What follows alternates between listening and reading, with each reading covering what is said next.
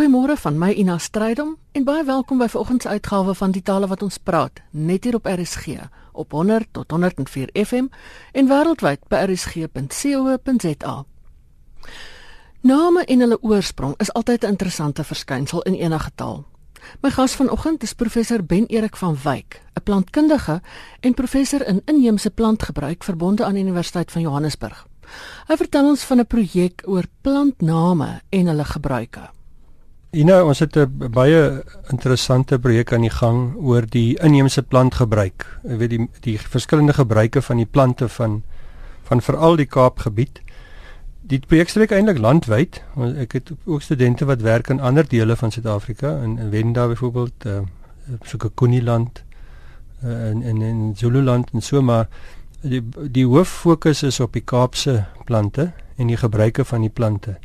En die rede daarvoor is dat die plantgebruike is besig om vinnig uit te sterf. Die kennis, die tradisionele kennis is is besig om vinnig uit te sterf. Die jong mense stel nou nie meer belang in ouma se goed nie. Weet hulle praat van die vetlampie mense. Nou verwys hulle herhalend na die ou mense.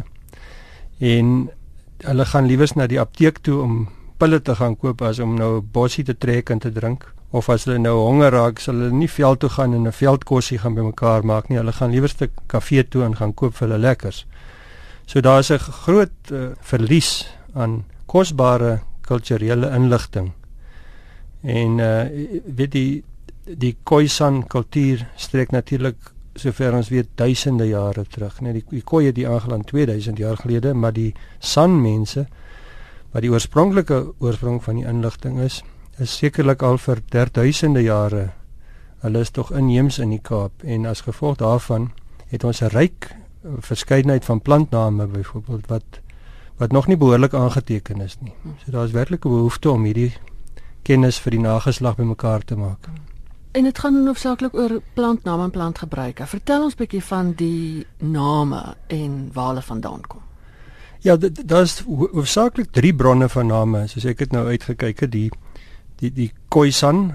Uh, dit is nie vir my altyd duidelik om te weet of dit nou Nama of Kaapse Khoi of of San is name is nie. En dan is daar die Afrikaanse name wat wat oorwegend maar in die Kaap gebruik word. En dan is daar natuurlik ook name wat ontleen is uit die Hollands of verbuigings van die Hollandse name. So dis baie interessant dat ons een van die studies, ek het 'n baie op en wakker student wat nou op PhD doen in Namakwaland.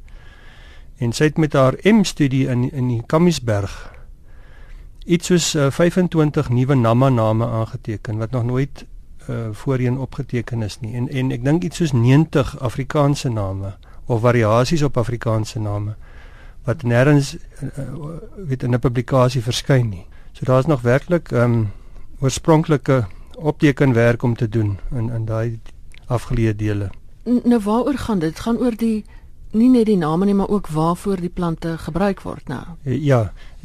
Ek het so 'n paar jaar gelede 'n oorsigartikel geskryf uh, vir 'n internasionale joernaal. Ek is gevra om dit te doen oor koi en san medisyne of of Cape Dutch medicine, né? Nou nou daai die terminologie het my gepla want dit is 'n Kaapse daar's 'n sekere herkenbare Kaapse medisyne kultuur wat ontstaan het uit die unieke plante van die Kaap. Jy weet, um, omtrent 60% van die plante in die Kaap kom net daar voor en nêrens anders in die wêreld nie. So jy het hierdie unieke plante in die Kaap, maar jy het ook die unieke kulture in die in die Kaap. En daardie oorspronklike koi en san kulture is beïnvloed deur die Hollanders, die vroeë Hollanders. So baie van die name kom eintlik uit die Hollands uit. En selfs van die plante wat die Hollanders saamgebring het, is vandag deel van daardie kultuur goed soos wynruit en kruisement en groenamara en sulke plante eh, kom eintlik uit Europa uit wat die Hollanders saamgebring het. So toe het ek die naam geskep Kaapse kruie medisyne want ek voel Kaap Hollandse medisyne is nie heeltemal korrek nie want dit gee nie erkenning aan die Khoisan komponent nie. So ons praat dus van 'n unieke medisyne kultuur wat ek nou noem Cape Herbal Medicine of Kaapse kruie medisyne. Dit is hoofsaaklik gebaseer op op plante, maar daar's ook enkele diereprodukte. Dis baie interessant. Die bekendste daarvan is natuurlik ehm um, Dasypus ek sê nou maar dit so reguit sê soos wat die mense in Namakwaland dit sê. Party mense as 'n eufemisme gebruik klipsweet, maar hulle weet nie dat klipsweet eintlik iets anders is nie. So jy, jy klipsweet is eintlik muggiepis. dit is 'n uitskeiding van muggies wat op die dak van grotte voorkom, soos 'n teerlaagie wat hulle dan afkrappe gebruik. En uh, uh, uh dasipus is natuurlik die uh, versteende urine van van die dassie. Ehm um, so daardie is is twee baie bekende voorbeelde van tipiese Kaapse medisyne. Hmm. En natuurlik dan het ons 'n groot verskeidenheid van plante. Ehm um, baie van die populêre plante het byvoorbeeld verskillende name in verskillende streke en die gebruike verskil ook 'n bietjie van plek tot plek. So wat ons mee te doen het is eintlik 'n hele mosaïek van plantgebruike. En uh, ons is probeer om dit redelik sorgvuldig en wetenskaplik op te teken vir die nageslag.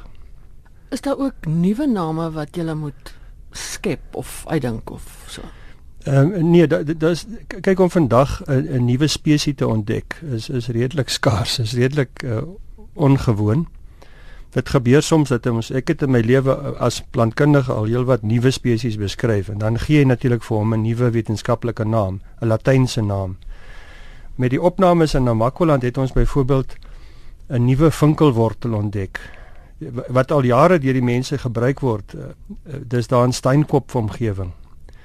Ehm um, nou daardie vinkelwortel het, het nog nooit 'n wetenskaplike naam gekry nie. Sy volksnaam is bekend, dis vinkelwortel, maar uh, wetenskaplik moet hy nog beskryf word. Inteendeel, ons kon nog nie blomme en vrugte in die hande kry om hom behoorlik te kan beskryf nie.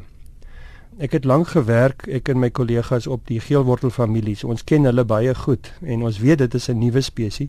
Maar om dit behoorlik te beskryf, het ons blomme en vrugte nodig.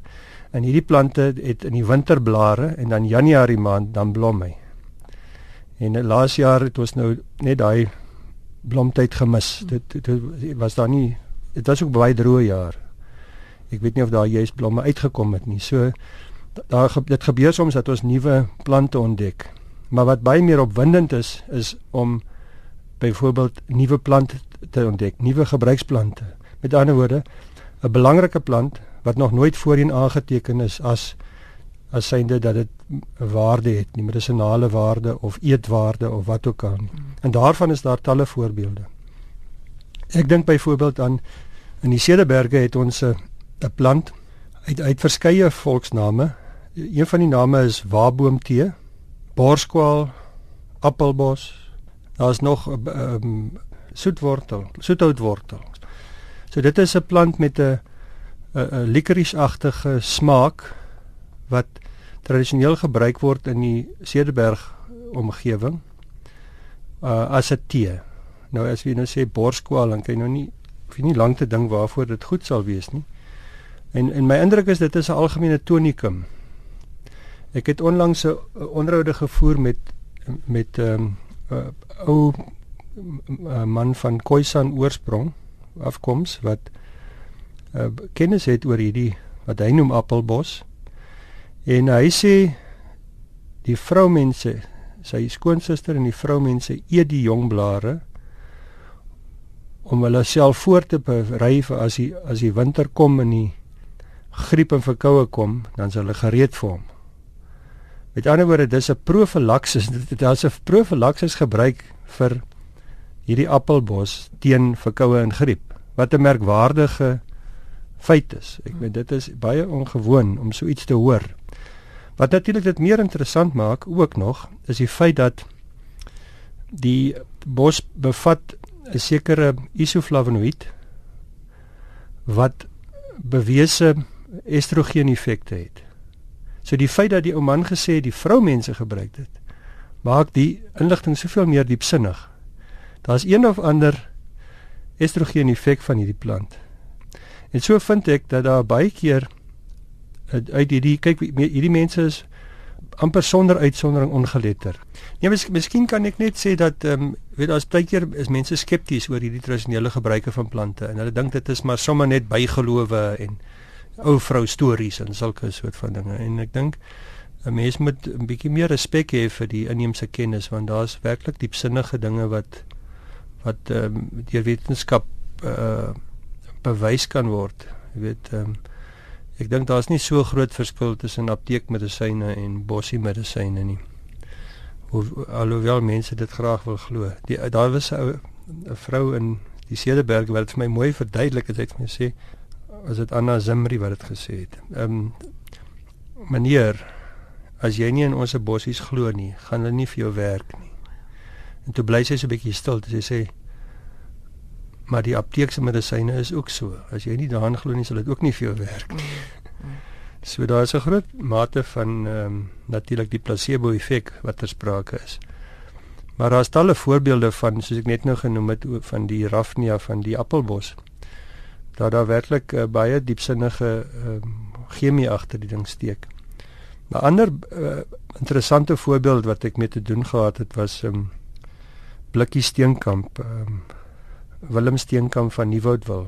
Sy uh, ouers was ehm um, sanmense. Baie klein mannetjie. Fantastiese kennis oor die plante. En wat wat hom interessant gemaak het is hy was baie baie eksplisiet. So as jy hom iets vra dan sal hy vir jou presies sê so en so en so en en hy wyk glad nie af daarvan nie. En as ek hom nou oor 10 jaar weer dit vra dan sê hy vir my weer presies dieselfde ding. En uh, ek het groot geword met 8 dae geneesbos. Nou in die Kaap almal het nou al gehoor van 8 dae geneesbos, maar niemand weet eintlik hoekom sy naam 8 dae geneesbos is en wat hulle nou mag dink miskien nou maar medisyne na 8 dae voel jy beter. So ek het geloop as plantkundig met hierdie bekommernis in my hart van wat is nou eintlik 8 dae geneesbos? Ek kon dit nie lekker verstaan nie. Toe kom ek by ou blikkies op Nieuwoudtville. Toe sê hy vir my ja meneer, hierdie is wat ons noem pleisterbos, 8 dae geneesbos. En wat jy doen is, jy vat die blare en dan kou jy dit. En dan raak dit so slijmerig. En dan plak jy nou hierdie uh pasta plak jy nou op die tipiese meswond. In daai wêreld sorteer hulle natuurlik onder ons is met met 'n mes uit. Dan plak jy nou hierdie gekoude blare op die meswond en ek het dit probeer en dit is merkwaardig. Dit vorm so 'n elastiese laag, so 'n gomelastiek laag oor die wond. En dit hou natuurlik die wond nou bevochtig die wond, nou hou dit klam. Maar toe sê blikkies vir my 'n paar interessante dinge. Hy sê vir my jy moet jou eie pleister kou. Ek kan nie jou pleister vir jou kou nie. Wat natuurlik daarop dui dat dit een of ander orale dosis effek ook moet hê. En uh, toe gesels ek met my slim Duitse vriend in Heidelberg Universiteit. Hy sê vir my dis bekend dat ehm um, plante wat pyrrolizidine alkaloïde bevat uh, deur die sentrale senuweestelsel ehm um, uh stiptiese effek het. Maar dit dit is bloedstollend. So dit kan slagare laat krimp. So met ander woorde deur die pleister te kou stol jy eintlik die bloeding of stop jy die bloeding. Miskien net genoeg dat jy sal dit oorleef. Ehm um, so dis baie interessant dat dit dit is die eerste keer wat so iets aangeteken is. Ehm um, so ek meen hierdie effek is dus deur duisende jare proefondervindelik bewys en dit het nou vasgehaak by blikkies. En gelukkig kon ek dit opteken. Hmm. So ons weet vandag wat is die die hele storie van 8 dae geneesbos. Dit dit uh, eintlik verwondgenesing is dit eintlik die pleister van die ou dae was. Maar dat jy jou eie pleister moet kou. Ja. 'n Groot deel van hierdie projekte is dat jy die, die name van die plante aandui in Afrikaans en soos jy gesê het 'n naam en so aan. Hoekom is dit belangrik? Alles word mos Engels. Ja, nee, maar ek dink dit is deel van ons kultuurerfenis en ek dink dit is kostelik soms. Ek meen dit hierdie ou name het allerlei gebruike wat 'n mens miskien nou nie mooi aan dink nie. As jy nou byvoorbeeld dink aan Boerneef se gedigte. 'n uh, Mens kan seker sy gedigte geniet bloot oppervlakkig om te sê Katbos en Kambro en die en daai. Maar as mense bietjie wetenskaplik is, dan wil jy graag weet waar waarna verwys hy. Want daardie gedigte roep tog beelde op van die omgewing van nou as jy nou renosterbosse kyk, dit is 'n vaal ou bossie wat die hele wêreld vol staan. So daar's sekere uh sou ek sê redes hoekom 'n mens moet weet wat beteken hierdie volksname. Ehm um, so daar's ek dink baie toepassing in kunste in in in musiek in uh, in die toekoms miskien in kom ons sê toerisme selfs mense stel belang om te weet wat is die inheemse name van die plante. Hoe noem die plaaslike mense dit?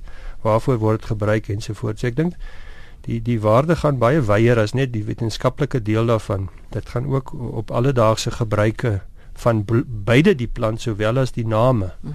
En ek dink as 'n as 'n plant se naam verlore gaan, dan baie keer gaan sy gebruike ook verlore. Dis eintlik iets wat 'n beroemde plantkundige Linnaeus so 350 jaar gelede gesê het.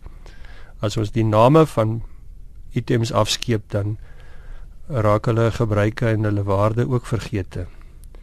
So ek dink dis een van die redes hoekom ons maar graag die ehm um, name akkuraat wil aanteken. Dis ook belangrik om te weet in die ou geskrifte is daar baie keer verwysing na plante waar net die volksname gebruik word en dan is dit uh, baie moeilik om te besluit watter plant word nou eintlik na verwys. En met ons studies uh, in verskillende dele van die Kaap byvoorbeeld kan ons met redelike groot sekerheid later aflei watter plant hulle na verwys het. Deur bloot te weet watter plante vir daai doel tipies gebruik word en en uit die omstandigheidsgetuienis kan ons sê maar dit moes daai plant gewees het. Hy het 'n rooi blom by so en so. Een van die interessante plante is rooi vergeet of rooi storm. Nee, ja. Wat wat wat die enigste plant is eintlik wat wat ons direk kan koppel aan die oorspronklike kaam Boesmans, die die Karoo Boesmans wat natuurlik uh, vandag nog voortbestaan in die vorm van die karretjie mense. Nou daardie plant is deur die van van bleek weet die die mense wat die taal bestudeer het destyds het hierdie plant aangeteken en daar is ellelange stories oor hierdie plant.